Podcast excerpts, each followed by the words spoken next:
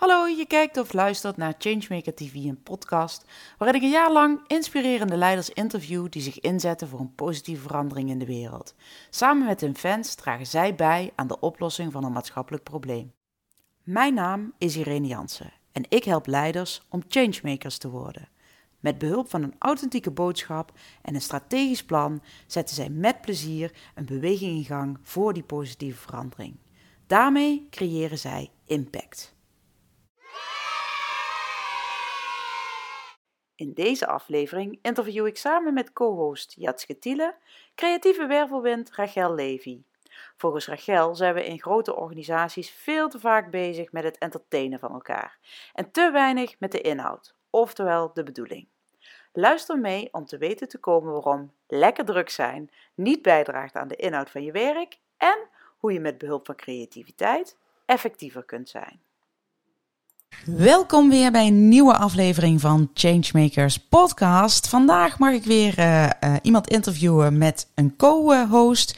Uh, die co-host is Jetske Tiele. Met haar nam ik al in zijn podcast op, nummertje 13. Ik heb het even opgezocht, Jetske. Wat ontzettend leuk dat jij dit met mij wilt doen. Welkom. Dankjewel. Hartstikke leuk om dat samen te doen, Irene. Absoluut. En het was jouw idee om Rachel Levy uh, uit te nodigen. Rachel is een creatieve wervelwind die in organisaties um, ja, creativiteit inbrengt om, uh, ja, om innovaties uh, makkelijker te maken. Zeg ik het zo goed, Rachel? Zeker, ja, dat klopt. Hartstikke leuk dat jij er ook bij bent vandaag. Ja, fijn, dank je. Ja hey, um, vertel eens even, Rachel. Wat, wat, wat maakt dat je denkt, ik ga alleen nog maar bezig met creativiteit? Um, hè, je, volgens mij ben je ambtenaar geweest en, en van daaruit is er iets ontstaan. Dat klopt toch, of niet? Ja, dat is het precies. Dus ik was zelf een ambtenaar.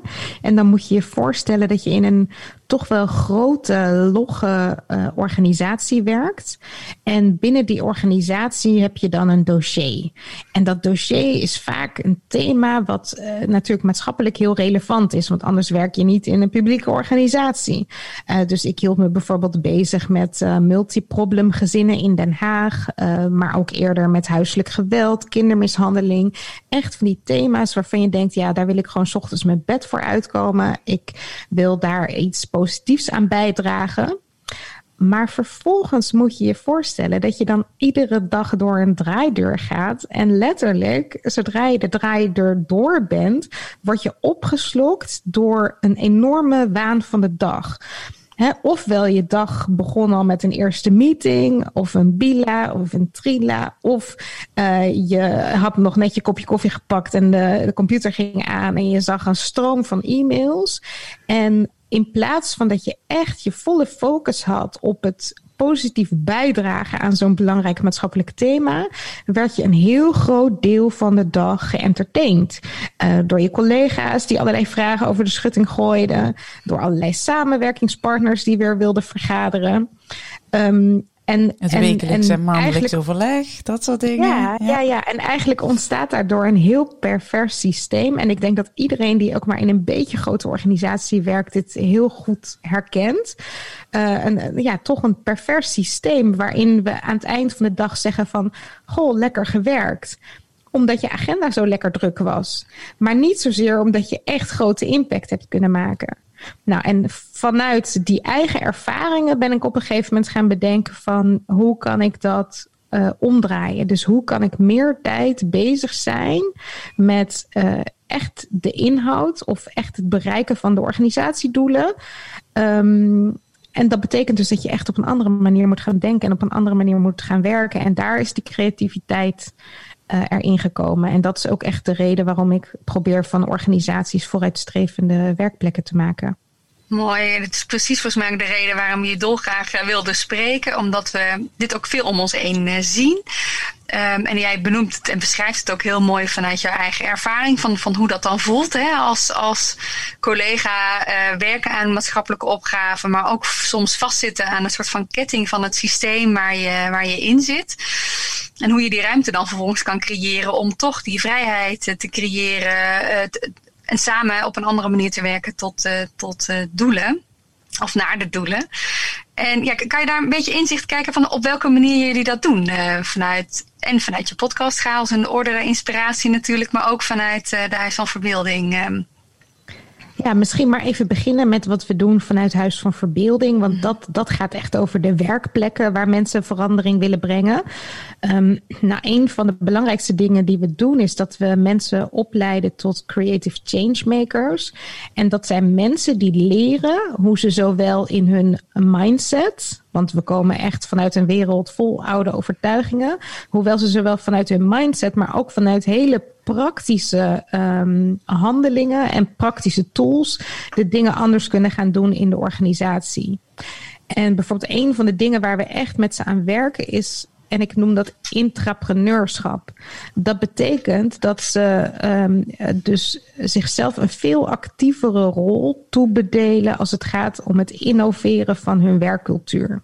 Heel vaak denken mensen dat ze moeten wachten tot een directie van een organisatie het besluit neemt om te gaan innoveren.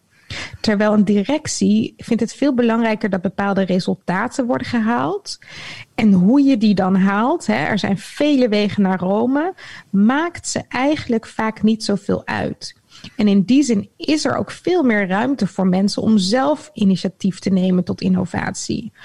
Alleen is dat vaak iets wat ze niet meer goed kunnen zien. Dus wij leiden mensen eigenlijk op om als een soort ondernemers in hun interne organisatie uh, anders te gaan werken. En anders is bijvoorbeeld veel experimenteler. Dus in plaats van, want dit zal je ook herkennen, en ik herken dat ook uit mijn werkverleden. In plaats van dat er een maatschappelijke opgave is of een andere opgave. En er wordt je gevraagd, ja oké, zet het maar eens op papier. Waardoor je heel lang bezig bent met een papieren werkelijkheid. Want het is nooit zo dat je zomaar iets op papier schrijft. Daar moet altijd een vergadering over plaatsvinden. En dan moeten collega's er weer wat van vinden. En dan moet het eerst naar een middelmanager. En die gaat er dan weer een paar rondjes overheen. En dan gaat het naar een stuurgroep. Je kent het wel. Er blijft niks meer over. De innovatie is eruit. Zodra er, zodra er zes mensen eruit. Ja. Je hebt nul lessen geleerd. Terwijl je wel maanden bezig bent met zo'n papieren tijger de organisatie uh, door laten wandelen. Uh, dus wat wij proberen te doen is het om te draaien. Meteen met kleine voorstellen te komen voor experimenten. Nou, en dat kan dan op een A4'tje. En dan in praktijk te gaan testen. En dat kan kan ook voor beleid zijn, hè? Want we denken vaak, ja, maar beleid dat leent zich niet voor een experiment.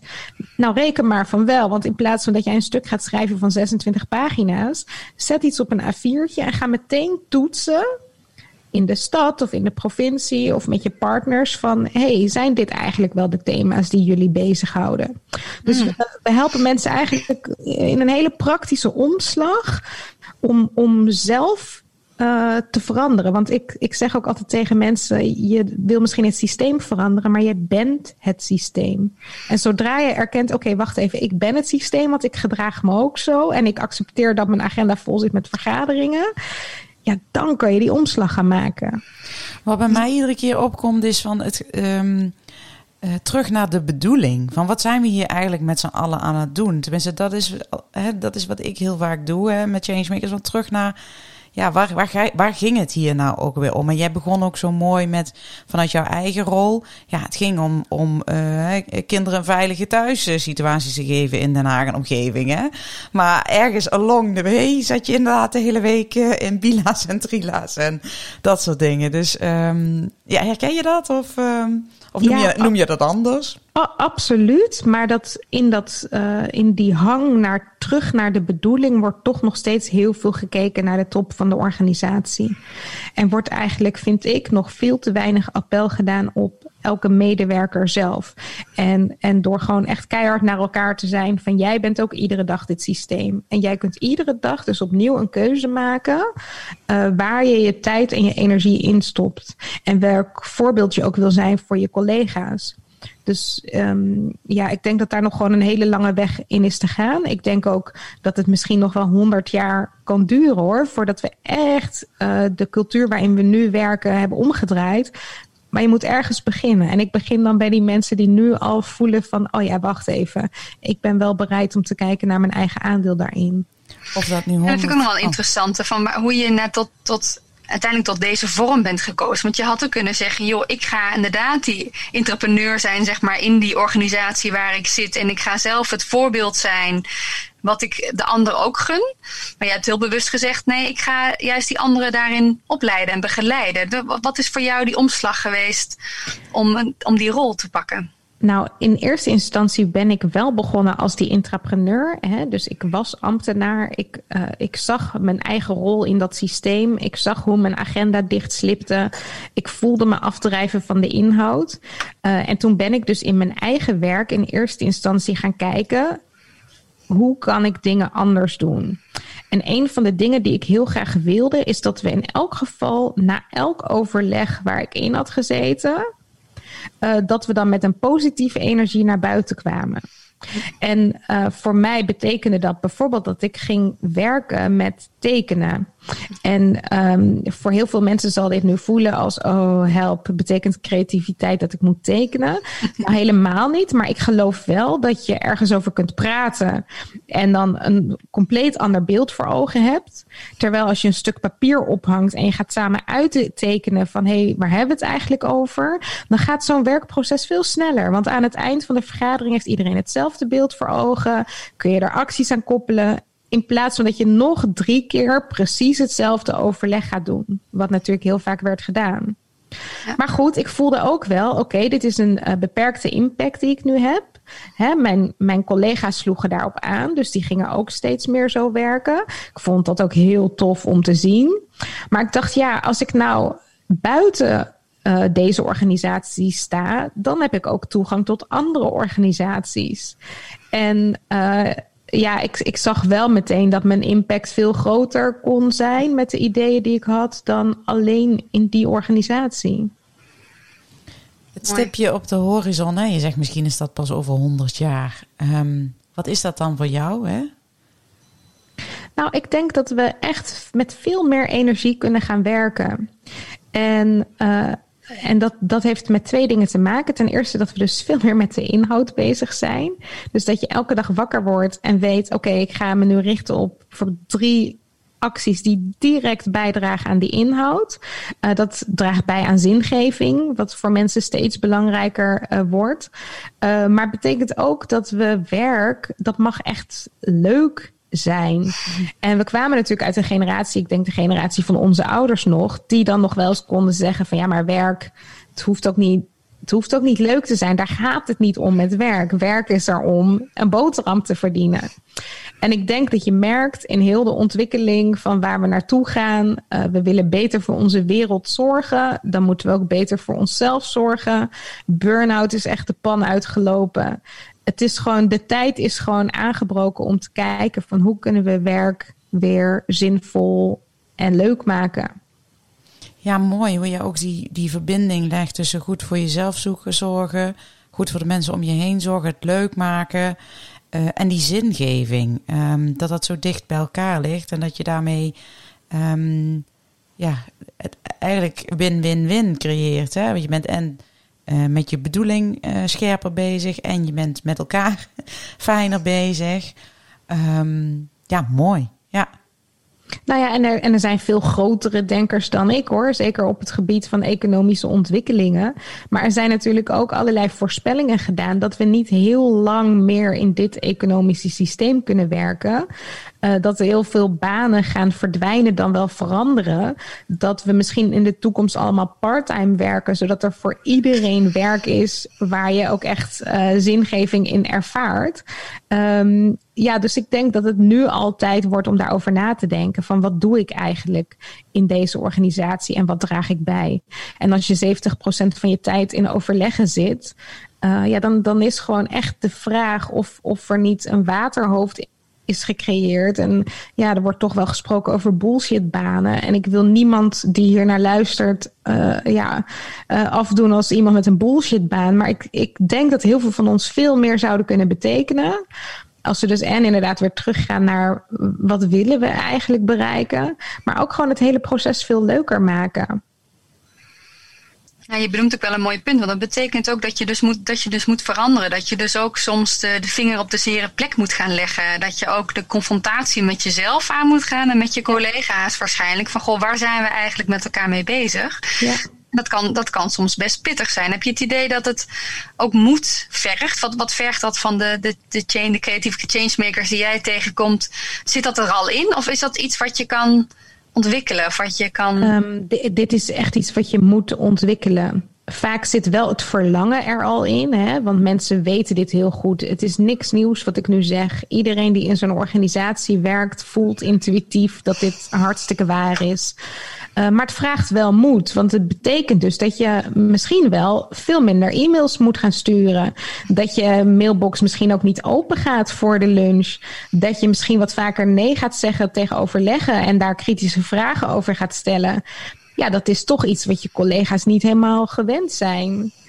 Of waar je ehm, zelf het gevoel van, oeh, misschien mis ik dan wel iets bij krijg. Al dan niet op de inhoud of op het groepsgebeuren, zeg maar. Absoluut. En ook het vraagstuk: kom ik wel professioneel over als ik nu ineens uh, een sessie ga doen waarbij we allemaal tekeningen aan de wand gaan maken? We hebben natuurlijk allerlei beelden over werk, over professionaliteit. En, en we houden daarmee ook dat systeem in stand. Hè? Wat ik net zei, dat je aan het eind van de dag lekker hebt gewerkt als je agenda maar vol genoeg was.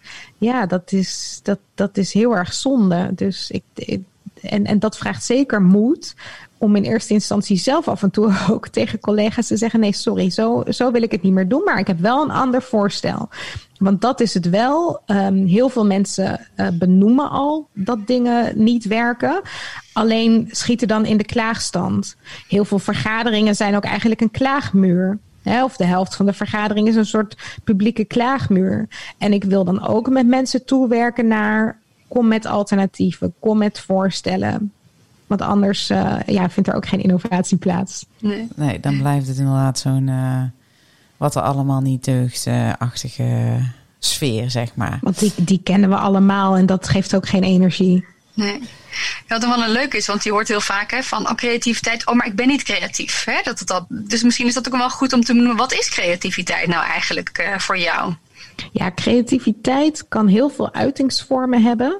Maar één vorm van creativiteit die we allemaal hebben, is dat we creatief kunnen zijn in ons denken.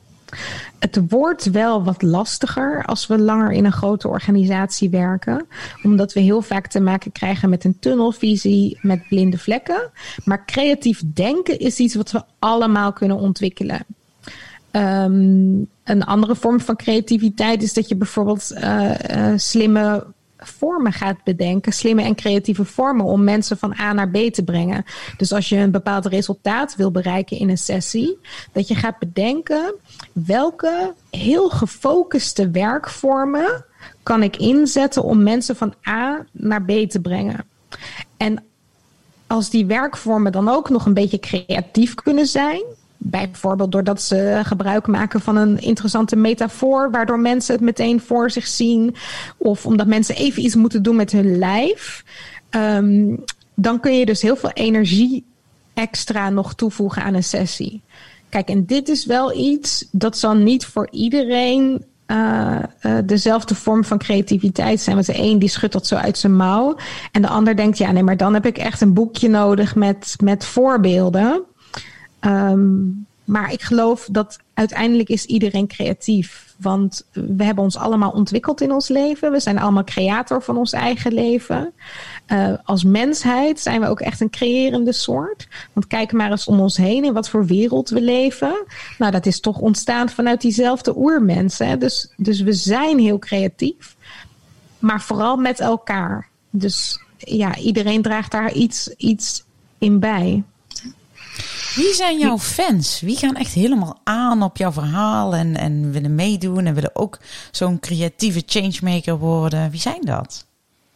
Nou, dat zijn vooral mensen die dus uh, nu in een grote organisatie werken, die uh, heel vaak goede ideeën hebben, die ook zien wat er nu niet werkt, wat er anders kan, maar die vaak uh, toch nog onzeker zijn in hoe krijg ik nou anderen daar ook in mee? En uh, die gewoon letterlijk de, de tools missen, soms de taal missen, uh, soms ook het zelfvertrouwen missen. Uh, om te zien dat ze zelf best wel wat meer ruimte hebben dan, dan ze nu zelf denken. Ik zeg zelf wel eens uh, op zaterdagavond met een biertje in de kroeg weten ze het precies. En maandagochtend is het dan, ja, hoe, hoe ga je dat dan? Hè? Dat is het precies. Dus intuïtief weten ze het. Maar um, ja, ze, ze, ze willen misschien ook van mij het excuus krijgen om dit te mogen doen. En, en, en dat is dus ook het leuke bijvoorbeeld aan onze opleidingen. Dan zeg ik ook, gebruik dit als je excuus. Zeg ook tegen je collega's, nou, ik zit nu in een programma, hahaha, ha, ha, ik moet iets, uh, iets nieuws uitproberen. Weet je, dat, doe dat ook vooral. Um, maar dat kan ook op andere manieren. Hè. Het kan ook zijn dat ze nu naar deze podcast luisteren. En dan uh, weer aan hun werk beginnen en zeggen: Nou, ik heb een podcast geluisterd. Um, ik, ik weet het niet hoor. Ik heb nog nooit een tekening gemaakt van ons idee. Ik kan ook helemaal niet tekenen. Maar um, vind je het goed als ik het gewoon eens doe? En je begint gewoon met een driehoekje en een pijltje om te laten zien wat er in jouw hoofd zit. Nou, ga maar eens onderzoeken waar dat toe leidt. Dus zo werken we ook heel erg met mensen, experimenteel. En we geven ze dus allerlei excuses, waardoor ze dit ook echt durven te doen. Om te mogen spelen eigenlijk. Om te mogen spelen, ja. ja. ja. En andersom, want terecht is dat dus heel mooi vanuit het individu, hè, van de excuses om, om even te mogen spelen. En andersom voelen ze waarschijnlijk op een gegeven moment ook, ik moet een verantwoordelijkheid gaan afleggen. Of ik wil inderdaad hogerop, ik wil dat, dat gesprek wel eens aan dat betekent nog wel eens wat, wat, wat onzekerheid in zo'n organisatie. Of die, of die onzekerheidsvaardigheden. heb je daar ervaring mee? Of kan je daar iets over vertellen hoe daarmee om te gaan? Nou ja, wat het leuke is, als je dus uh, de boel omdraait en zegt: Ik ga dus niet meer vanuit de papieren werkelijkheid beginnen, maar ik ga veel meer vanuit het spel starten, vanuit kleine experimenten, dan heb je ook veel eerder iets tastbaars om te presenteren. En uh, daarmee doe je eigenlijk je management of je directie een heel groot plezier. Want die moeten zich ook in de oude situatie altijd maar verhouden tot ja, werkelijkheden op papier. Uh, PowerPoints van 46 slides. Um, maar die weten het dan ook niet. Dus op het moment dat jij onzeker bent en eigenlijk een onzekere papieren realiteit presenteert, is het niet verbazingwekkend dat een management ook daar onzeker op reageert. En zegt we moeten daar nog eens over doorpraten. Um, dus, dus daardoor kom, komt het ook vaak niet tot besluiten. Terwijl als je veel meer met elkaar durft kleine experimenten op te starten. En dat is ook allemaal creativiteit. Um, en niet te verwarren met originaliteit, want het hoeft zeker niet origineel te zijn. Uh, maar dan kan ook een management zich daar veel sneller toe verhouden. En dan, en dan ga je met elkaar die beweging zien. Waardoor je elkaar stimuleert om, om steeds sneller te kijken hoe, hoe weten we eigenlijk dat wat we bedenken ook in praktijk goed uitpakt.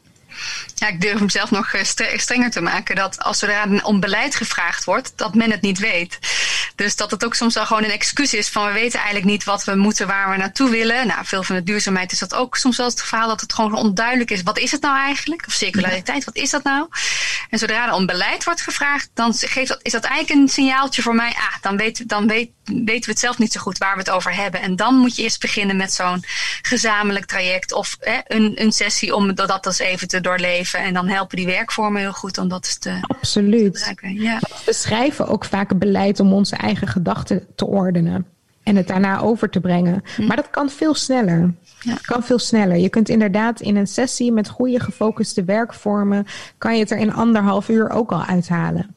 Gaat uh, uh, het zijn van een creatieve changemaker, gaat dat over persoonlijke ontwikkeling? Gaat dat over weten wie je bent en jouw waarden en jouw boodschap en enthousiasme neerzetten? Of gaat dat over uh, toewerken naar resultaten die de bedoeling zijn? Of allemaal? hoe zie jij dat, Rachel? Het gaat over persoonlijke ontwikkeling om organisatieontwikkeling uh, op gang te brengen. Want een organisatie is natuurlijk alleen maar een verzameling van mensen. En ik geloof dat de organisatie daarin dingen kan doen. Hè? Bijvoorbeeld door mensen ook te prikkelen van laten we eens een maand minder vergaderen en meer gaan doen. Uh, maar als die organisatie ook in een waan van de dag zitten. Want managers hebben ook een volle agenda. En, en daar worden ook allerlei afspraken in de agenda gepland. Als, als het dus niet daar vandaan komt, begin dan in elk geval uh, zelf. Dus die twee uh, ontwikkelingen, persoonlijke ontwikkeling en organisatieontwikkeling, kan ik niet los van elkaar zien. Mooi. Want uiteindelijk gaat, zijn we, zitten we hierin samen, zeg maar letterlijk, hè, in organisaties en in de maatschappij. En willen we samen ook verder groeien. Dan hebben we individueel wat te doen, maar wel in, het, in de verbinding met de ander. Want ik zeg met je het voorbeeld van je kan best boven op de berg heel zen zijn in mijn eentje. Maar uiteindelijk moet je die berg toch weer naar beneden. Dan kom je in, in, confrontatie met anderen. Dus daar, daar moet je het uiteindelijk toch doen. Ja, ja, ja. absoluut, absoluut. En dat geeft je ook energie. Want uh, je zal merken zodra je dit soort dingen gaat doen. En die doe je dus ook nooit alleen. Die doe je met collega's. Uh, dan, dan zie je ook al die kleine olievlekjes ontstaan in de organisatie. En dan kunnen kleine initiatieven groter worden. En dan merk je ook dat er naast de formele hiërarchie ook allerlei andere manieren zijn om te organiseren. En dat dat echt niet zo rebels is als hoe het nu misschien uh, klinkt. Want eigenlijk is er helemaal niet zo heel veel rebels aan. Hè? Het is gewoon, je gaat je tijd anders besteden. Maar het is niet dat je ineens tegen de organisatiedoelen ingaat of zo. Integendeel. Dus ja zo, zo, ja, zo heel rebels is het eigenlijk niet om verandering te brengen. Je gaat terug naar de organisatiedoelen. Je bent er dus misschien wel sterker door gedreven. Hè? Je zegt van je staat ermee Juist. op en, en, en je gaat drie dingen doen die echt in lijn zijn met dat wat jouw zingeving weer geeft, waar jij het voor doet en waar de organisatie ook voor bedoeld is.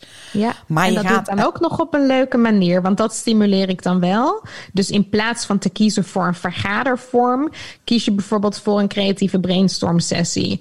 In plaats van een plan te maken op papier, uh, maak je een, een tekening waarin je heel duidelijk laat zien van hé, hey, hier staan we nu en daar willen we naartoe. Dus we stimuleren mensen wel om de dingen ook echt met lucht aan te pakken. Want we weten ook dat spelen, als je eenmaal begint te spelen, dan ontstaat er meer creatieve ruimte in je brein.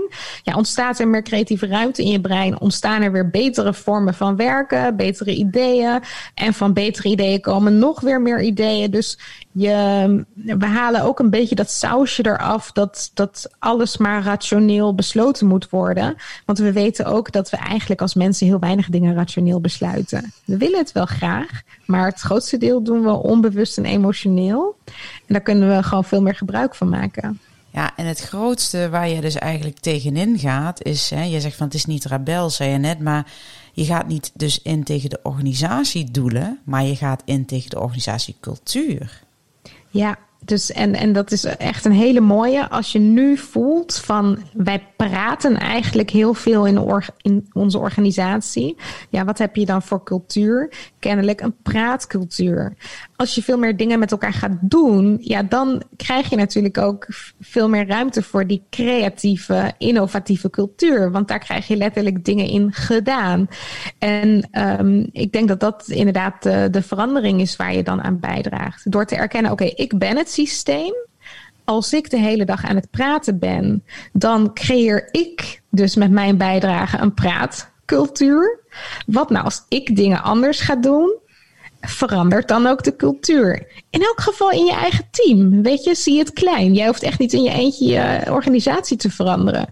Maar wat als jij met twee of drie collega's binnen je team gewoon net even de dingen anders gaat doen? Maakt dat een verschil? Ik denk het wel.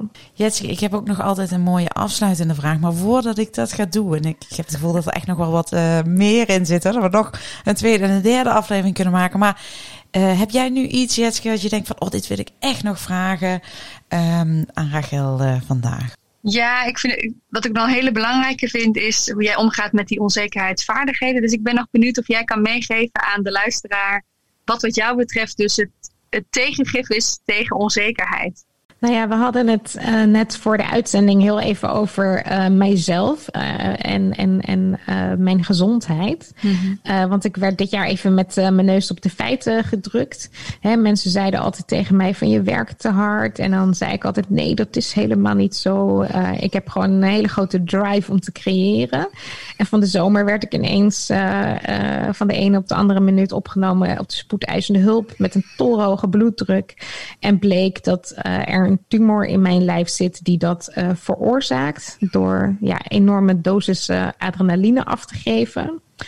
En toen kwam ik bij de arts uh, die me ook gaat opereren en die zei: um, Het kan best wel zo zijn, want deze tumor is al heel veel jaren in de maak, uh, dat je dus een heel groot deel van je drive en je actiebereidheid, dat die ook is gevoed door die adrenaline.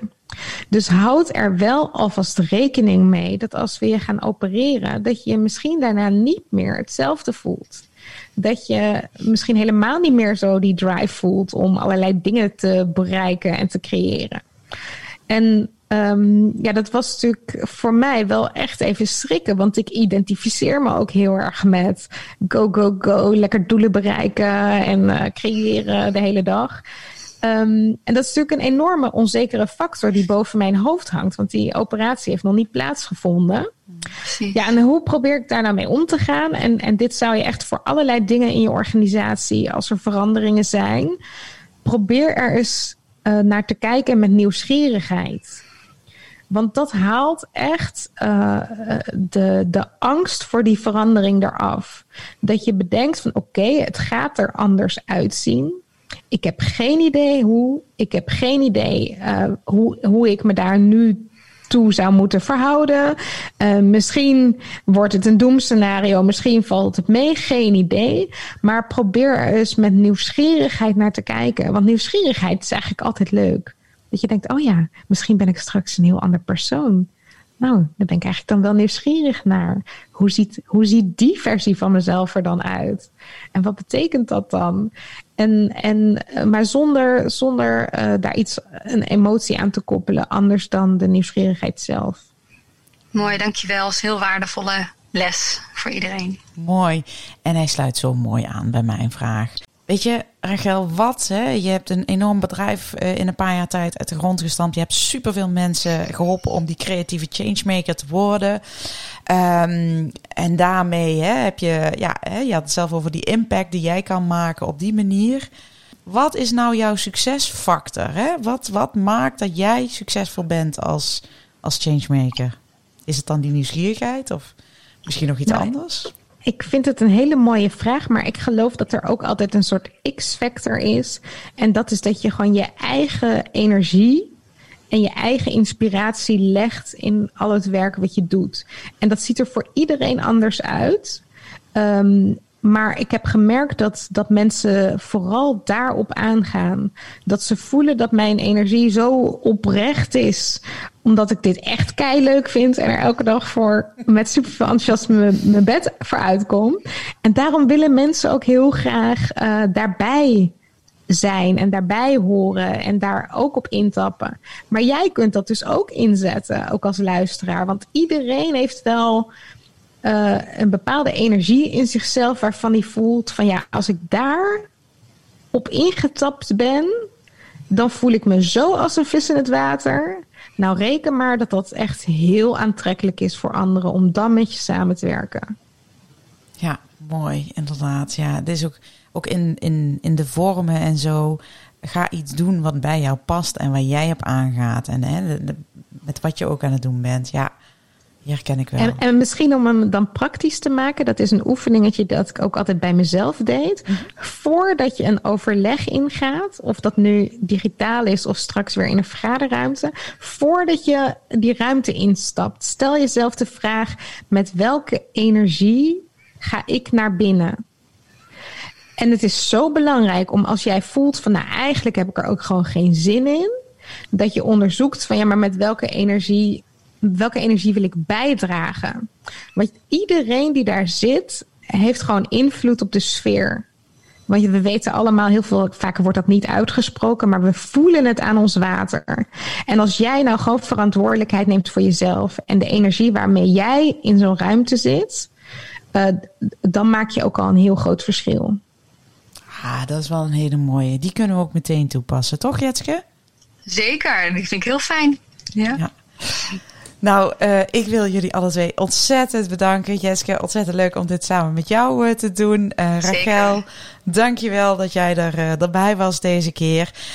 voor diegenen die er niet genoeg van, van kunnen krijgen. Er is dus al een, een podcast van mij, nummertje 13 met Jetske. Um, die gaat helemaal over duurzaamheid. als je daar nog meer van wil weten, heeft Jetske haar eigen duurzaamheidspodcast. Die heet Duurzaamheid Hoe Dan? En als je helemaal wil duiken in die creativiteit en uh, nou ja, nog meer van dit soort mooie tips van Rachel wil krijgen, dan heeft Rachel zelf een podcast die heet Chaos in de Orde. Dus um, ga vooral ook uh, verder kijken wat deze mooie dames uh, nog meer te bieden hebben. Dank jullie wel van nu en graag tot gauw. Je keek of luisterde naar Changemaker TV en podcast. Fijn dat je erbij was. Laat vooral even weten wat je ervan vindt door like te geven of een reactie achter te laten. Wil je niks missen van deze serie met inspirerende leiders die zich inzetten voor een positieve verandering in de wereld? Abonneer je dan even. Be the change.